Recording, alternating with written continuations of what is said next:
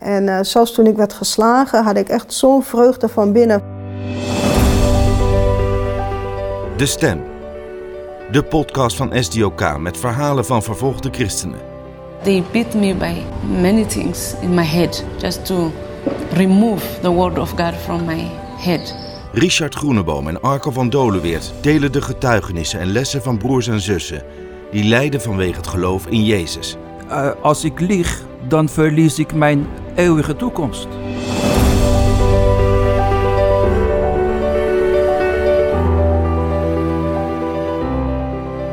Van harte welkom bij een nieuwe aflevering van Podcast De Stem. We reizen vandaag af naar een land waar veel toeristen graag naartoe gaan. Een land met prachtige berggebieden, mooie stranden en een plek ook waar je lekker kunt eten. Maar helaas is dat niet het hele verhaal. Nee, want het is ook een land waar christenen niet vrij zijn om te geloven. En vooral christenen in de berggebieden hebben met zware vervolging te maken. Het komt voor dat hun huizen worden verwoest of hun gewassen worden vernietigd. Ja, we hebben het over Vietnam. In dit communistische land is de situatie voor christenen de laatste jaren ontzettend verslechterd. Collega Dirk Vink, jij was onlangs in Vietnam. Um, jij was daar niet op vakantie. Nee, helaas. Ik, van het, al dat moois kon ik niet uh, veel zien. Het is gewoon niet handig om te gaan reizen en mensen op te gaan zoeken. Hè, onze broers en zussen die vervolgd worden in, in die prachtige berggebieden of op die stranden. Want uh, je wordt gewoon in de gaten gehouden. Uh, maar daarover straks meer. Nou, we zijn heel benieuwd om hun verhalen te horen. En je hebt ook wat audiofragmenten meegenomen, zodat ze ook echt heel dichtbij komen in deze uitzending. Verhalen van broers en zussen die vol vuur zijn om het evangelie te verkondigen en daarvoor ook een hoge prijs betalen. Maar we beginnen slowly, slowly met een volgerecht waarin we iets delen wat ons heeft geraakt. Richard, wat heb jij in je zak zitten? Ja, ik wil iets delen wat, uh, wat wel indruk op me heeft gemaakt deze week. Ik had een uh, gesprek met een van onze partners die in uh, India werkt. Nou ja, als je het nieuws een beetje volgt en ook deze podcast, dan, dan weet je dat in India het voor christenen ook heel moeilijk is. Zeker onder het bewind van premier Modi, extremistische ja, man uit een extremistische partij. Hindoe-partij, zie ik dat het geweld tegen christenen erg is uh, opgeleid, toegenomen. Nou, allemaal treurige verhalen. Maar van de week hoorde ik een verhaal waar ik ja, blij van werd. Um, er zijn er heel veel mensen, nou we gaan het straks ook horen vanuit Vietnam, dat er overal op die plekken waar het moeilijk is, er ook christenen zijn die echt vol passie en vuur het evangelie willen delen. En uh, nou, de partner die ik sprak, die zei nou, ik had net contact met uh, een van onze um, ja, mensen die ook echt naar dorpen gaan om dat het evangelie te vertellen in, in hindoe-dorpen. Echt een uh, evangelist? Ja, een evangelist. En hij stuurde me ook even wat foto's van die man die net was teruggekomen van een, um, een outreach, zoals je dat noemen. Hè? Dus gewoon een evangelisatiecampagne waar ze het evangelie delen, preken, noem maar op. En die vertelde dat in tien dagen tijd um, 100 mensen tot geloof waren gekomen. 100? 100 mensen tot geloof waren gekomen. Ja. In, in drie verschillende dorpen in tien Tien, dagen tijd. tien per dag? Is ik zeg, nou wow, wat is toch een verhaal? Ik zeg, ik hoor altijd verhalen van vervolging. En hij zegt, ja, dat is het ook. Ja. Hij zegt, het is heel heftig, want deze man heeft ook met heel veel vervolging te maken. Is vaak bedreigd geweest en noem maar op. Maar die man is, zoals hij dat noemde, is zo full on fire. Zo door het vuur van de Heilige Geest aangeraakt. Dat hij maar één verlangen heeft om het evangelie te delen met ja, iedereen die, die dat maar kan vertellen. Dus ik zeg zo, ja, maar ik zeg, joh, maar ik, ja, dat, ik vind dat wel heel bijzonder ik zeg van, ja, ik, ik hoop altijd dat soort dingen hier ook gebeuren. En uh, de geest werkt overal. Ik zeg, wat nou het geheim van deze broeder? Hij zegt, ja, dat is een goede vraag. Hij zegt, ja, natuurlijk is dat het werk van de Heilige Geest. Hij zegt, dat is altijd zo. Maar hij zegt, ik denk dat deze broeder uh, zijn huiswerk heel goed heeft gedaan. Zijn huiswerk? Ik zeg, ja, zijn huiswerk. Hoe bedoel je dat? Ik zeg, ja, nou, deze man is echt zoveel in gebed. Die is actief met echt vasten om echt zo verlangen is door het, naar het werk van de Heilige Geest. En uh, ja, God zegent dat. Hij is er heel bewust mee bezig eigenlijk. Hij is er heel bewust mee bezig. En uh, nou, dat raakte mij wel. Um, omdat ik, nou ja, ook, ook voor mezelf dan weer de spiegel krijg voorgehouden... van hoe verlangend ben je dat anderen het evangelie leren kennen. En de geest moet het uiteindelijk doen, maar ik geloof wel... en dat zie je overal ook, dat ja, hoe meer jij verlangend bent... en hoe meer jij tijd met God doorbrengt... hoe meer jij ook gevuld kan worden door de Heilige Geest. Want hoe meer je met, ja, in de omgeving bent van God en de Heilige Geest in jou werkt, hoe meer je ook kunt uitdelen. En deze man die is heel erg aangeraakt. En overal waar hij, zegt, overal waar hij komt, hij zegt, ja, het lijkt wel of die man niet zelf spreekt, maar of God zelf spreekt. Ja, er gaat iets door hem heen. Er gaat iets door hem heen. Hè? Ja. Een soort uh, goddelijke ja. autoriteit, waardoor deze man zijn, die woorden deelt. En ja.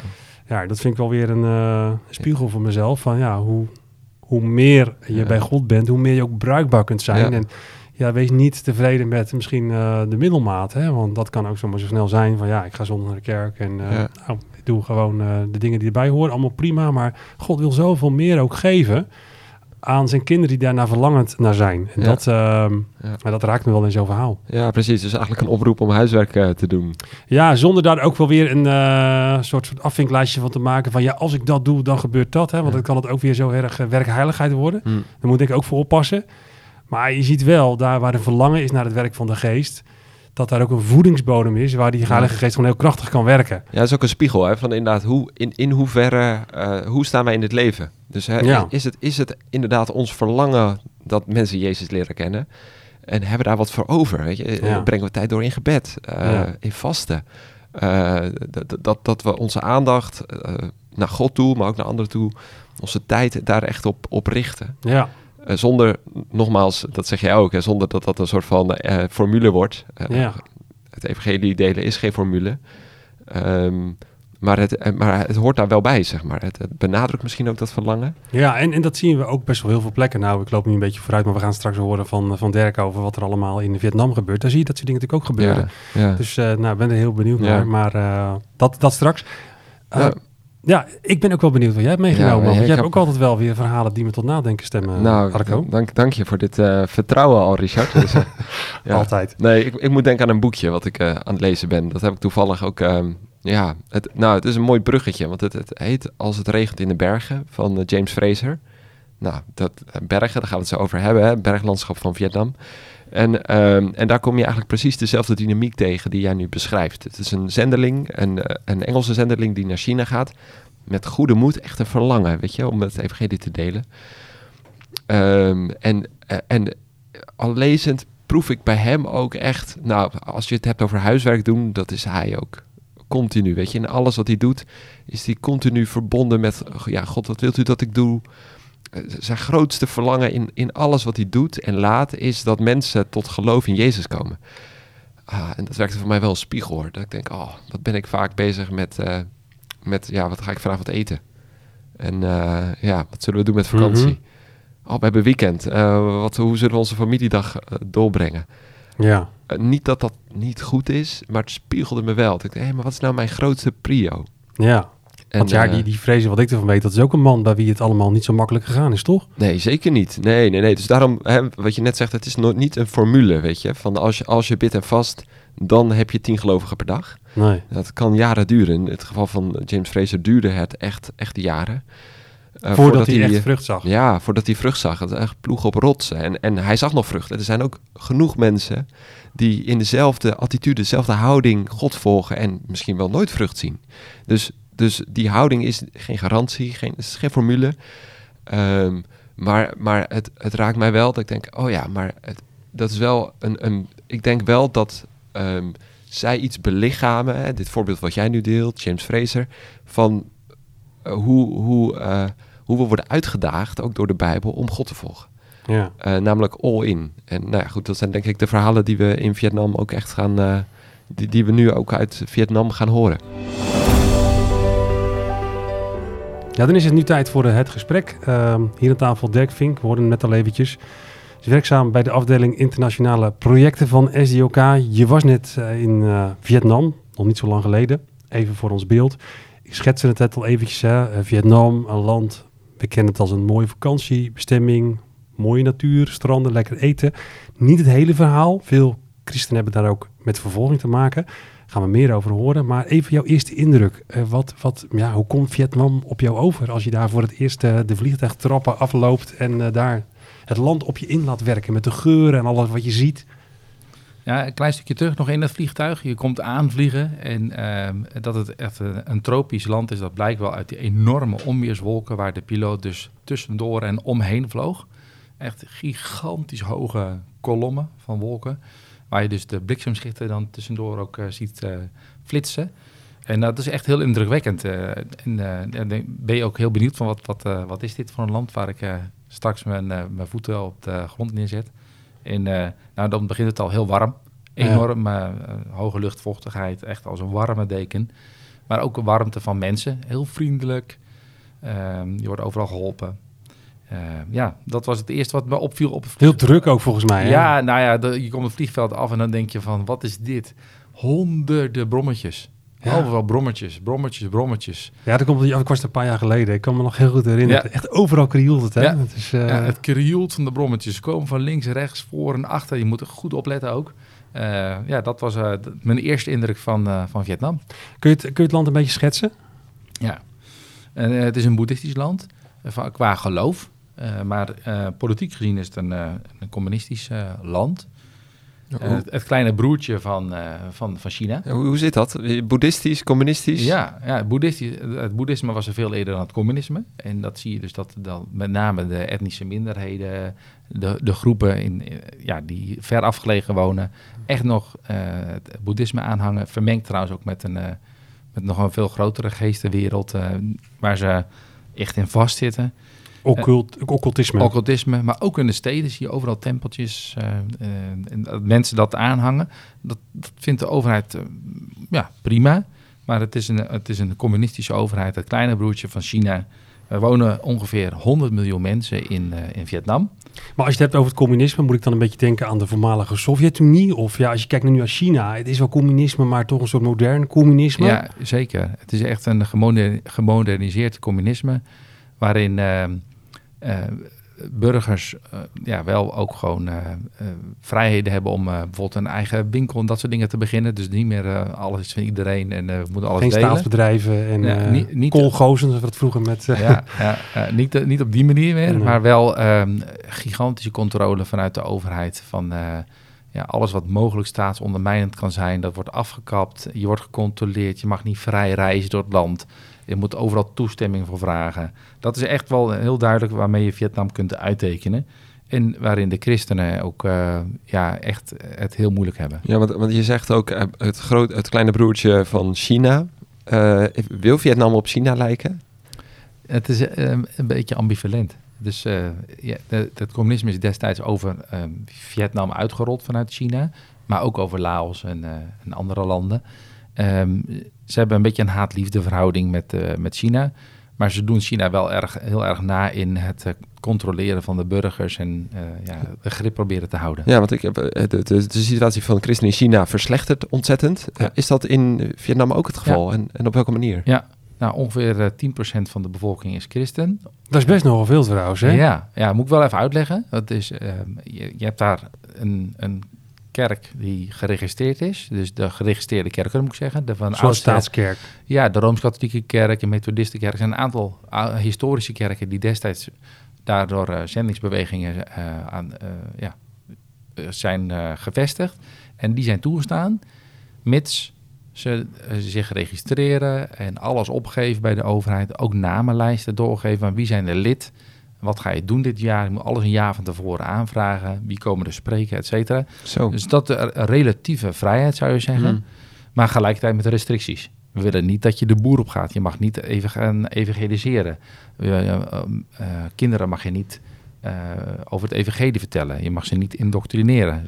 Dat soort dingen. En bijvoorbeeld ook niet zeggen dat Jezus eh, de belangrijkste koning is die we moeten vereren en belangrijker is dan de overheid bijvoorbeeld. Nee. Hè? Wat, wat in China ook echt een, Ja. eh, Ja. niet mag. Ja, klopt. Dus er zitten ook wel eens mensen in de kerk en die zeggen er dan wat van. En dan, als je, dan krijgen ze een waarschuwing. Nee, er wordt echt eh sterk controle op, op uitgeoefend. Maar dat is ook niet het hele verhaal. Heel veel mensen vinden dat benauwend. En die zeggen van ja, eh, we moeten het evangelie helemaal kunnen eh, ja, verspreiden. En eh, God is onze koning en wij moeten hem meer gehoorzaam zijn.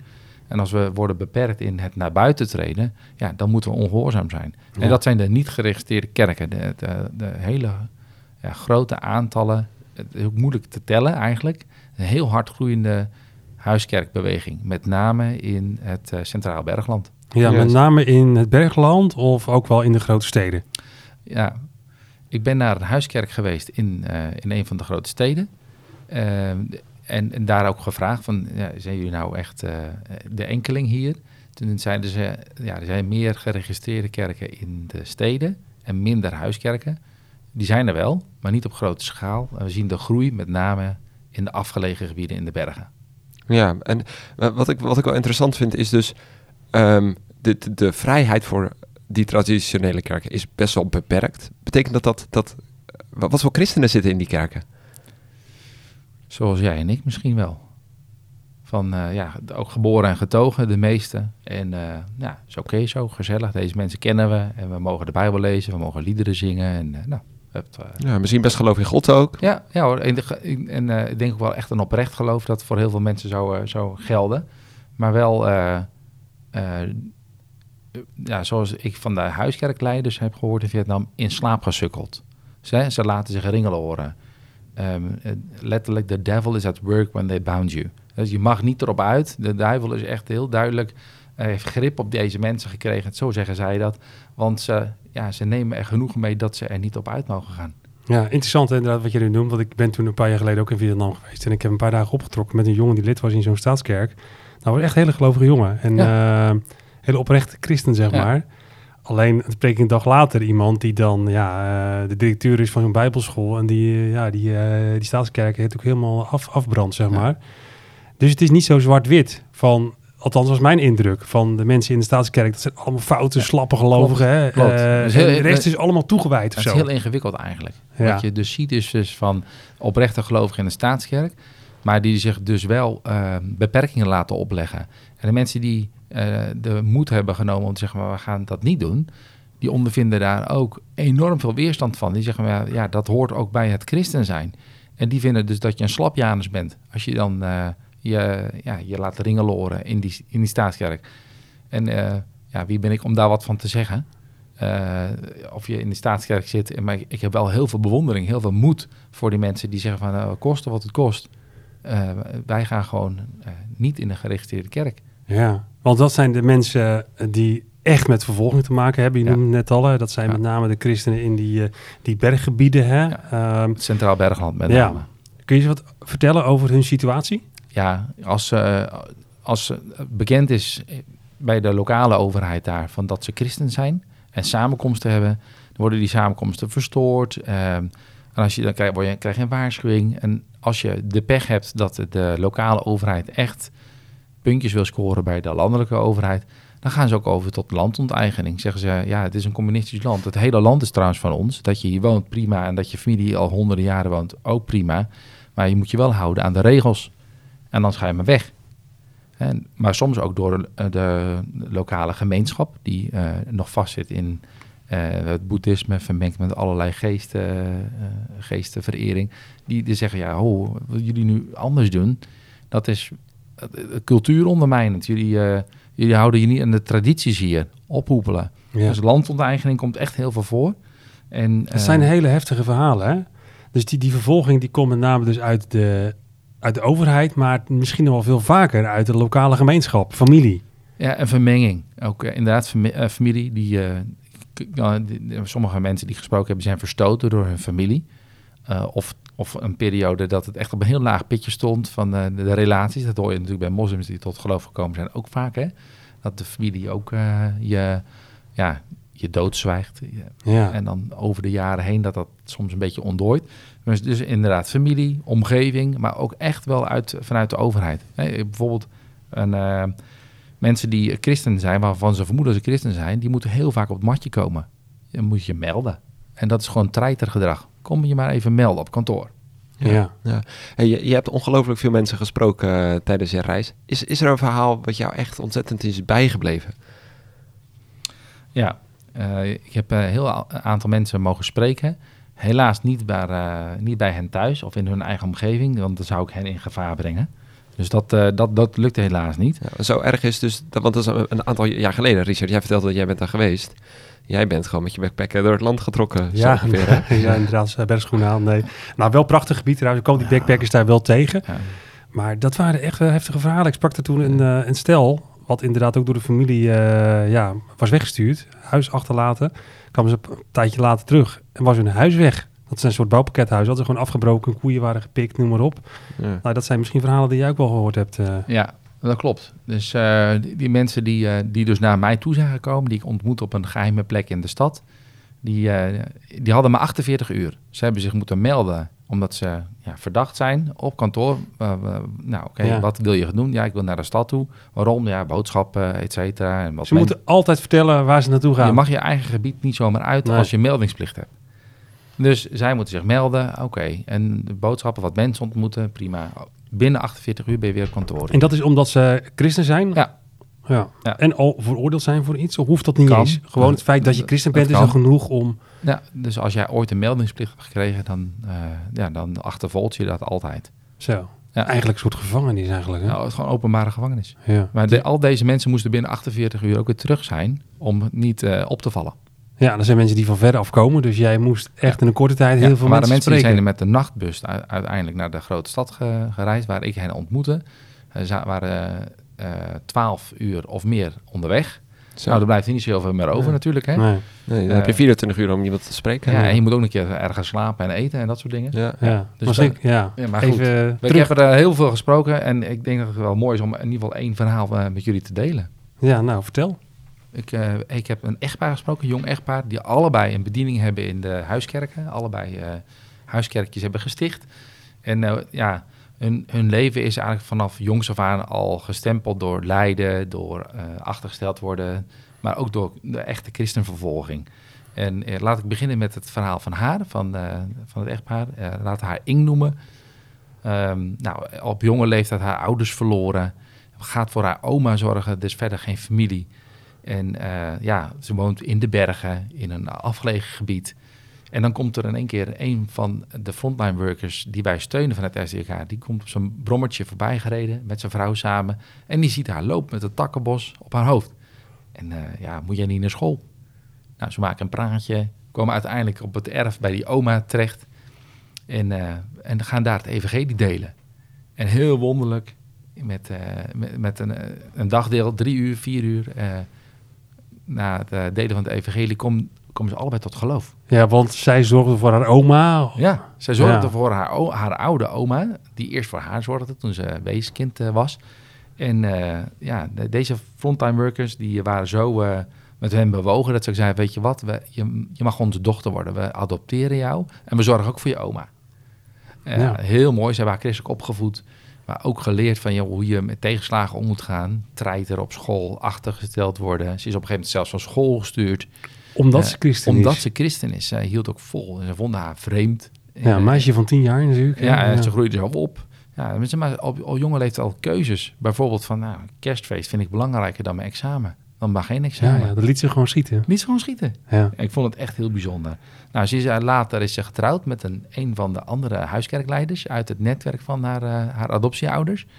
En eh, samen hebben ze negen huiskerkjes. Ze hebben, eh, haar man heeft er vijf, ze heeft er vier. Hebben ze zelf opgericht. Die hebben ze door gewoon erop uit te gaan. Zo. En eh huiskerkje is dan gewoon een, een gezin, een paar buren erbij. En eh, ja, in heel afgelegen Ja, dorpen. kleine gemeenschappen. Hele kleine Ja, gemeenschappen. Ja, net Ja. zoals wat jij net vertelde. eh, ja, ja, ja. ja. ik, vraag, me- ik vraag me altijd af hè, van hoe werkt dat precies? Gaan ze dan gewoon op hun brommetje Ja. gewoon van Ja. dorpje A naar B? En heb dan... ik ook gevraagd, van, hoe doe je dat? Nou, we rijden een dorpje binnen. En eh, nou, soms, soms dan, eh, zijn de mensen even het bos in. Van, wat is dit voor een vreemdeling? Ze zien nooit vreemdelingen, zo ver weg. En dan komen ze toch tevoorschijn. Oh, uit angst dan Ja, eh, ja, verstoppen dan- ze zich. Ja, en dan komen ze dan toch terug en dan wat, wat breng je hier? En dan altijd heel bang voor boze geesten. Nee, Hmm. ik, ik, ik kom niet namens boze geesten, ik kom namens een goede geest. Oh. En dan, ik kom hier ook juist een blijde boodschap vertellen van bevrijding. En dan mogen ze het evangelie delen. En dan komen nog eens terug en nog eens terug. En op die manier, ja, die kerk groeit heel erg hard. Ja? Ja. Deze, deze, dit netwerk van huiskerkjes, deze man, haar adoptieouders, hè, de man en vrouw, die hebben bij elkaar 49 huiskerkjes gesticht. 49 huiskerken. Ja, bizar hè? Wow. Ja. Ja, maar goed, ze heeft wel echt met, eh, met heel veel vervolging te maken gehad. En eh, Want ja, want hoe gaat dat dan? Mensen komen tot geloof. Prachtig, mooi. ja, Maar dat, dat roept heel veel op dan binnen zo'n gemeenschap. ja, dus de gemeenschap kan ervoor zorgen, te zeggen van ja, ho eens even, jij houdt je niet aan de tradities hier. En eh, je- onze cultuur ben je aan het, van het afknabbelen en afwijken. En je brengt andere gedachten hierin. En dat willen we niet, wegwezen. En ja, wat ook heel veel gebeurt, en dat is bij haar ook gebeurd, met van als je verdacht wordt vanuit de overheidskant, dus niet vanuit de gemeenschap, maar vanuit de communistische overheid, dan moet je gaan melden. Oh, ja. En eh, ja, dat melden, dat gaat heel ver. Dus je mag, je, niet eens, je mag niet eens zomaar naar een ander gebied reizen. Deze vrouw en haar man sprak ik dus ook niet in hun eigen omgeving. Ik sprak hen in de grote stad waar ze naartoe moesten reizen. ja. Moesten ze wel toestemming voor krijgen. Tja. Dus het is, eh, dan moet je naar een bureau toe. En eh, waar ga je heen? Ja, naar de stad. Een paar bezoekjes afleggen. Oké. Ja, dus continu gemonitord eigenlijk. Ja, ja. binnen 48 uur moet je weer terug zijn. Ja. En ze nemen de nachtbus, 12 uur zijn ze dan onderweg. Hebben dan met mij een gesprek. Eh, slapen, eten en gauw weer terug om op tijd te melden en niet, niet verdacht over te komen. Ja. Ja, dus dat is de moderne manier van Ja. eh, vervolging. Ja, jij hebt eh, intensieve gesprekken gehad met deze mensen. Je hebt er ook wat van meegenomen. hè? Een fragmentje ook waarin eh Ing zelf wat vertelt. Eh, kun je daar even, kun je dat even inleiden? Nou, aan, aan, aan het eind van mijn gesprek vroeg ik aan haar, en ik was echt onder de indruk van, eh, van deze vrouw, die ook in een mannencultuur eh, huiskerkjes eh, leidt. Ze noemt zichzelf ook geen pastor, om, om, om de mannen respect ook te geven, maar ze, ja, ze doet het wel. Eh, en haar man ook. En ze hebben een jong gezin. Van hoe doe je dat, joh? Wat, wat houd je nou eigenlijk op de been? Wat geeft jou nou vreugde en moed om het vol te houden? En, en gewoon ook door te gaan met je bediening, ondanks al die eh, tegenslagen en pesterijen en, en, eh, en de overheid. Ja, nou laten we even gaan luisteren naar Ing. Een fragmentje wat je hebt opgenomen met de mobiele telefoon. Kwaliteit is daardoor iets minder, maar het is wel heel mooi om Ing even zelf te horen spreken. Absoluut. vui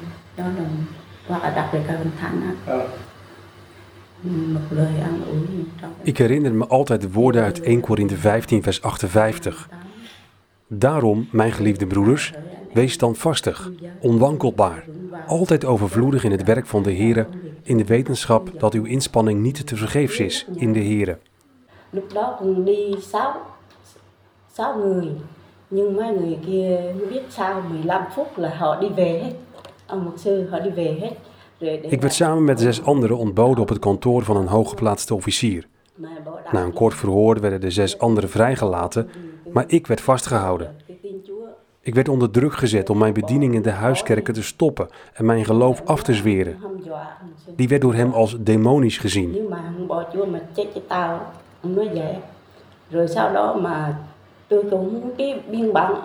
Ik heb geantwoord. Het is niet wat u denkt wat het is. Ik heb de Bijbel gelezen en ik begrijp wat ermee bedoeld wordt en ik weet wie ik dien. Toen werd de officier ontzettend boos, stond op en sloeg drie keer hard op de tafel en hij wilde me in mijn gezicht slaan. Op de een of andere manier lukte dit niet, want God verhinderde hem om me te raken. Hij werd steeds bozer en bedreigde me met een levenslange gevangenisstraf als ik mijn geloof niet zou afzweren. Ik antwoordde, het leven is voor mij Christus en het sterven is winst.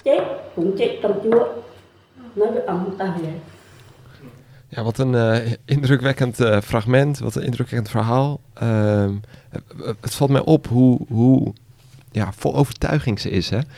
En ehm, nou, die officier die dreigt met een eh, gevangenisstraf. Eh, hoe is dat afgelopen? Is dat trouwens een officier uit haar lokale omgeving? Of? Ja. Ja, Ja. Dus gewoon eh, zeg maar in het, eh, het districthoofd die, waar ze zich moet melden. Ja, precies. Die komt ze vaker tegen. Ja, en nou ja, die meldingsplicht is opgevoerd. Ze moet zich vaker melden. Ze heeft een poos huisarrest gekregen. Ehm, ze wordt echt onder druk gezet met van... ja, er kunnen ergere dingen gebeuren. Hè? En dan doelen ze op van nou, bijvoorbeeld landonteigening. Eh, Maar zelfs gevangenisstraf. Of dus. gevangenisstraf. Ja. Maar Als dat is ze- meer een beetje indruk maken, een beetje intimideren. Ja, we zien wel eh, steeds vaker dat mensen wel eh, voor kortere tijd de gevangenis ingaan dan langere tijd. Dus dat, was, dat behoort echt wel meer tot het verleden. De hele Ja. lange gevangenisstraffen. Maar dan, Ja. dat zou bijvoorbeeld wel boven het hoofd hangen van, een, van haar adoptieouders, die, ja, die echt kerkleiders, als kerkleiders gezien worden. Maar ook heel veel treiteren. Ehm, spulletjes afpakken, poos op, op de kantoor vasthouden, 24 uur zonder eten. Ja. Ehm, ja, en ook kinderen niet, mogen niet naar de staatsschool. Echt Toch een achterstellen. contrast, hè? Je komt Vietnam binnen en je bent, eh, het valt je op dat de mensen zo vriendelijk zijn. En eh, nou, dan ga je wat in gesprek met eh, broers en zussen en dan Ja. ontmoet je juist die andere kant, zeg maar. Ja. En dat, dat treiteren wat Ja. je noemt, die, die, die Ja. woede, Ja. eh, de tegenstand tegen het evangelie Ja. eigenlijk. En toch komt dat niet bovendrijven als ik zeg van... Hey, wat is nou het echte grotere verhaal? Wat veel meer op mij overkwam was van... eh, ehm, dat, dat deze vervolgde broers en zussen het zien als van part of the deal. Dit hoort er gewoon bij en dat heeft Jezus ook gezegd. Dat gaat ons, eh, ja, we zullen met allerlei tegenslagen te maken hebben. En eh, ja, dat is ook de strijd. Eh, Maar mensen kunnen ook, eh, ze zien, hun- hun vervolgens ook niet als tegenstanders per se. Dus dit is een heel, kwetsbare vrouw, is dit. Heel eh, broze gezondheid ook. Ze heeft vaak last van hoofdpijn. En, eh, maar dat, in, dat er een verborgen kracht zit in zo'n eh, in zo'n broze vrouw. Van, omdat ze zo geworteld is in, in de Bijbel. Geworteld is in liefde en geloof. Ehm, ja, en ook gewoon heel eenvoudig haar, haar dingen doet. We hadden het begin over Jezus vermenigvuldigde de broden en de vissen. Dat we de weinige schijnbaar wat we hebben... of dat krachteloze wat we misschien eh, denken te zijn... eh, gebruikt God. Ja, Ja. Maar, maar dat stempelt haar dus niet. Dat vind ik eigenlijk wel heel mooi. Hè? Dat, dat zij dus, hè, in wat, wat wij nu even van haar horen, wat jij vertelt, proef ik niet iets van zwakheid of van teleurstelling of van, van balen, hè, van hè, hoofdpijn of wat dan ook. Maar, maar wat ik vooral proef is, is toewijding aan de zaak van Christus. Zeker, ja. En ook gewoon op kantoor eh, bij zo'n officier ook eh, proberen te getuigen. En eh, toch te zeggen van wat jou nou echt drijft. Dat hoeft ze niet te zeggen. Maar dat bedoel zeker in zo'n cultuur waarin, ja, toch een mannencultuur ook, waar je als vrouw gewoon toch altijd de mindere bent, toch wel het lef heeft om tegen zo'n man te zeggen, nou ja, weet je, dat kunnen we allemaal wel zeggen, maar ik, ik, ik, geloof, ik lees de Bijbel en ik geloof wat Jezus zegt waar is, Ja. hè. Dat vraagt wel om heel veel moed, zeker nog extra binnen zo'n cultuur. Absoluut. En, eh, en, niet schreeuwerig, maar wel met van het is niet wat je denkt dat het is. En iets van die verborgen kracht legt ze dan eigenlijk op tafel. En eh, ja, ik heb ook wel eh, geloof erin dat, dat, dat dat ook een zaadje is die weer eh, gezaaid wordt. Hey, ik, ik ben heel benieuwd, want jij vertelt nu het verhaal van Ing, maar net zei je ook al dat je iets ging vertellen over haar man. Eh, kun je ons meenemen in zijn verhaal? Ja, ga ik doen. Ehm, laten we hem V noemen. Echt een eh, ja, hele, hele jonge vent die, eh, ja, die eh, heel intelligent is. Ehm, een hele prettige manier eh, van, van spreken heeft. Leuk om mee, in gesprek te zijn. Makkelijk in de omgang. En hij zat heel vrijmoedig ook bij, ja, bij ons aan tafel. En hij vertelde zijn verhaal. En ja, ook zijn verhaal maakte echt grote indruk op mij. Hij had de mogelijkheid om, om te ontsnappen aan armoede. Hij groeide ook op in het Centraal Bergland. Omdat hij dus echt heel intelligent was op school, ook uitblonk. Eh, en hij kiest ervoor om niet te ontsnappen aan armoede. Om niet, eh, zoals over heel veel jongeren bijvoorbeeld, het land te ontvluchten. Maar het te blijven, één. En twee, dat hij er ook voor kiest voor een studie die, waarvan mensen zeggen van... ja, moet je daar nou je geld mee verdienen? Hij gaat op een theologie studeren. Maar dan wordt hij opgepikt door de, ja, door de gevestigde kerken. En ook die daar lesgeven aan die theologische school. Van, nou, dit is echt een eh, veelbelovende pastor. Die, eh, daar kunnen we mee shinen. En eh, ze bieden hem dan ook aan om, om, om in de kerk te gaan, te gaan werken als die klaar is. En dan kiest hij ervoor om dat niet te doen. Want hij wil, ja, iets anders gaan doen. Ja, hij zegt, ik, ik wil dit niet. Ik, ik kom uit de centrale berglanden en daar zijn heel veel christenen die ja, in kleine groepjes bij elkaar komen en niet in grote kerken. En dat zijn de groepjes die laten zich ook niet eh, de les lezen dat je niet mag evangeliseren. Want dat is juist de kern van mijn geloof. Ik moet erop uit. Er zijn nog heel veel andere dorpen onbereikt. En eh, ja, daar wil ik me aan toewijden. Ja, dus hij wilde niet aan de slag in de kerk die iemand opgeleid, zeg maar. Nee, dus hij- de, staatskerk. Ja, hij, hij had gewoon een, eh, een carrière voor zich. Een, een grote kerk in de stad bijvoorbeeld. En dat hij gezien Ja. zou worden. En eh, ja, zijn natje en zijn droogje. Ja. Maar hij zegt, dat hoef ik niet. ja, laten we even luisteren wat hij daar zelf over zegt. Câu hỏi thì con cũng rất khó để đặt câu hỏi bởi vì Ze noemen me in het dorp een zwerver en een armoedzaaier. Ik draag die naam met eer. Deze bijnaam komt omdat ik in tegenstelling tot de meeste andere kansarme jongeren een kans kreeg om te gaan studeren. Ik koos voor de studie theologie, zodat ik de Bijbel nog beter zou verstaan en kunnen uitleggen. Een glansrijke carrière in de geregistreerde kerken van Vietnam lag voor me open, want ik haalde goede cijfers en was een veelbelovend student. Tijdens de diploma-uitreiking boden ze me een mooie gemeente aan waar ik kon beginnen. Maar ik bedankte voor het aanbod om in een door de staat gecontroleerde kerk te gaan werken. Als reden gaf ik aan dat ik de roeping had om de laaggeschoolde mensen van de verspreide kleine huiskerken in de ver afgelegen bergdorpjes te dienen. khó khăn như vậy thì Ik richtte waarschuwing om niets onwettigs te doen. En toen volgde er een publiekelijke uitbrander. We hebben er spijt van dat jij een beurs hebt gekregen om te studeren. Dat geld is aan jou niet goed besteed. Je hebt je kans op een goed leven vergooid. Zelf ben ik juist dankbaar voor de kans die ik had om te studeren en ik hoop zoveel mensen te kunnen toerusten. Mijn vraag aan jullie is om te blijven bidden voor openingen voor het evangelie.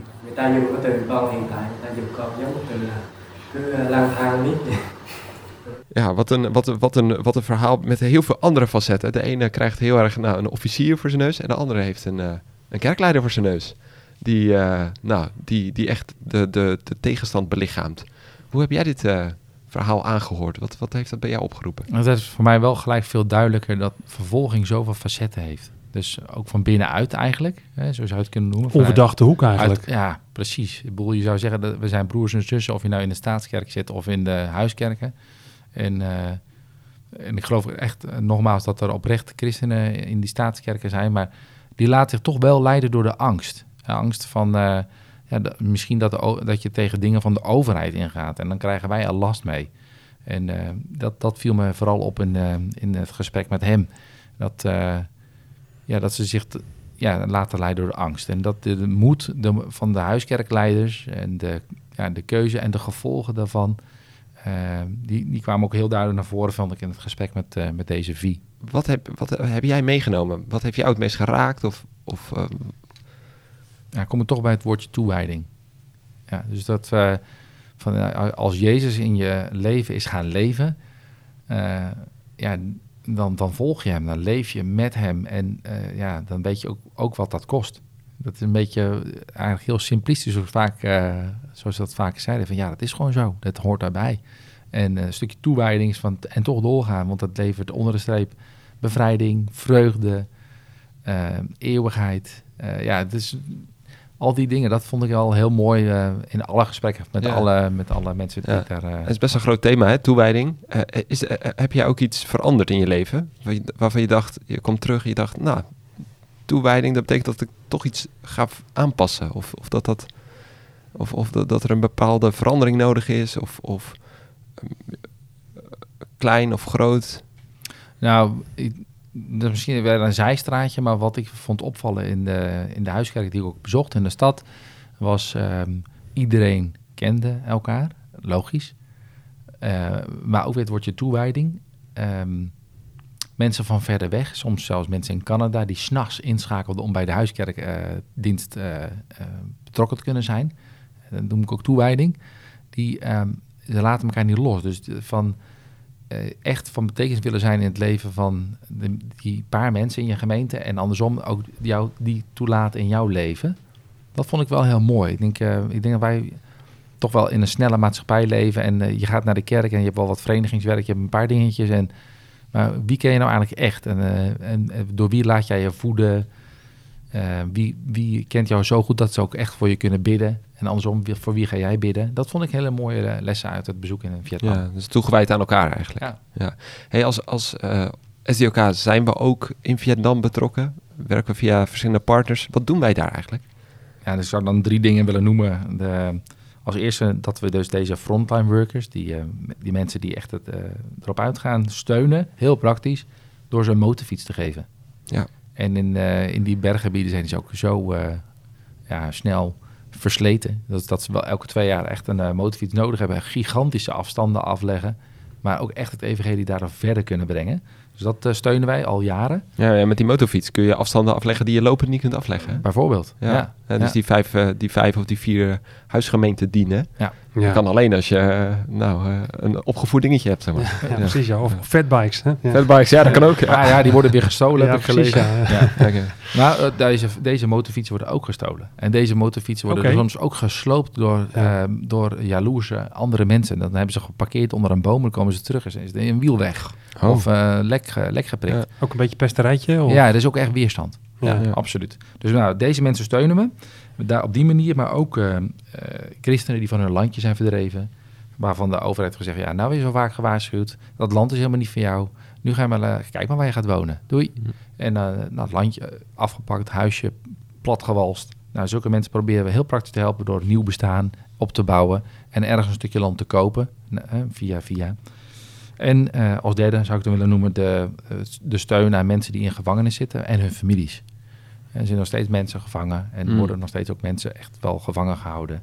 Ehm, en, en hun families hebben, ja, die, moeilijke omstandigheden. En die Ja, proberen ook Vaak de kostwinnaar ook die dan vastzit. Zeker. Ja, mooi. Nou, dat is ook uh, het werk van STOK. Hè. Dat kunnen we steunen. Dus als, als je als luisteraar denkt, hey, hier word ik enthousiast van. Ik, uh, ja, ik verlang ernaar om vervolgde christenen echt te steunen met een gift. Nou, kan dat. Ja. Je kunt naar onze website toe gaan en, uh, en een, uh, een gift uh, geven. Uh, link in de show notes.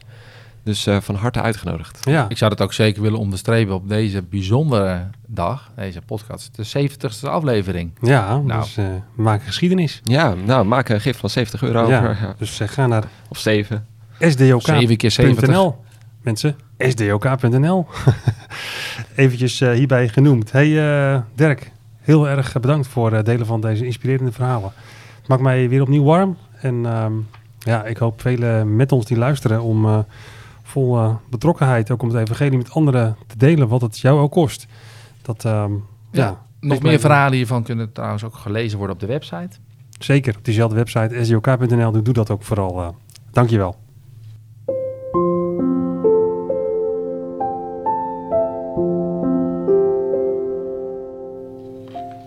Dan is het nu moment om de verhalen die we hebben gehoord even te laten bezinken. Even een moment van eh, rust, van, eh, nou, van, eh, van overdenking. We hebben hoorden veel verhalen van, ja, van enorme toewijding. Toewijding aan God, toewijding aan het evangelie. En wat kun jij daar nou mee? Gewoon in Zeeland. Je werk in de supermarkt, of waar dan ook. Hoe kun jij deze verhalen internaliseren? Nou, we willen je een tekst meegeven. Een tekst die je al eerder deze aflevering hoorde. Een tekst uit 1 Korinthe 15. Het laatste vers. Daarom, mijn geliefde broeders en zusters, wees standvastig, onwankelbaar en altijd overvloedig in het werk van de Heer in de wetenschap dat uw inspanning, jouw inspanning, niet te vergeefs is in de Heer.